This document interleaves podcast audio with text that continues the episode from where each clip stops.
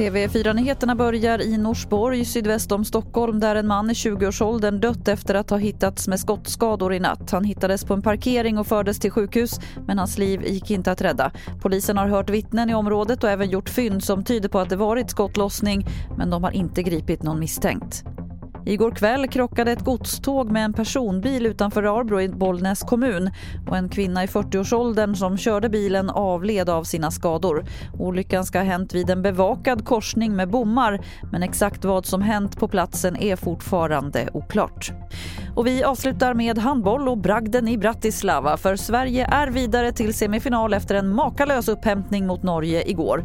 21-åriga Walter Krintz blev en av matchhjältarna och satte det avgörande målet på straff som gav Sverige seger med 24-23.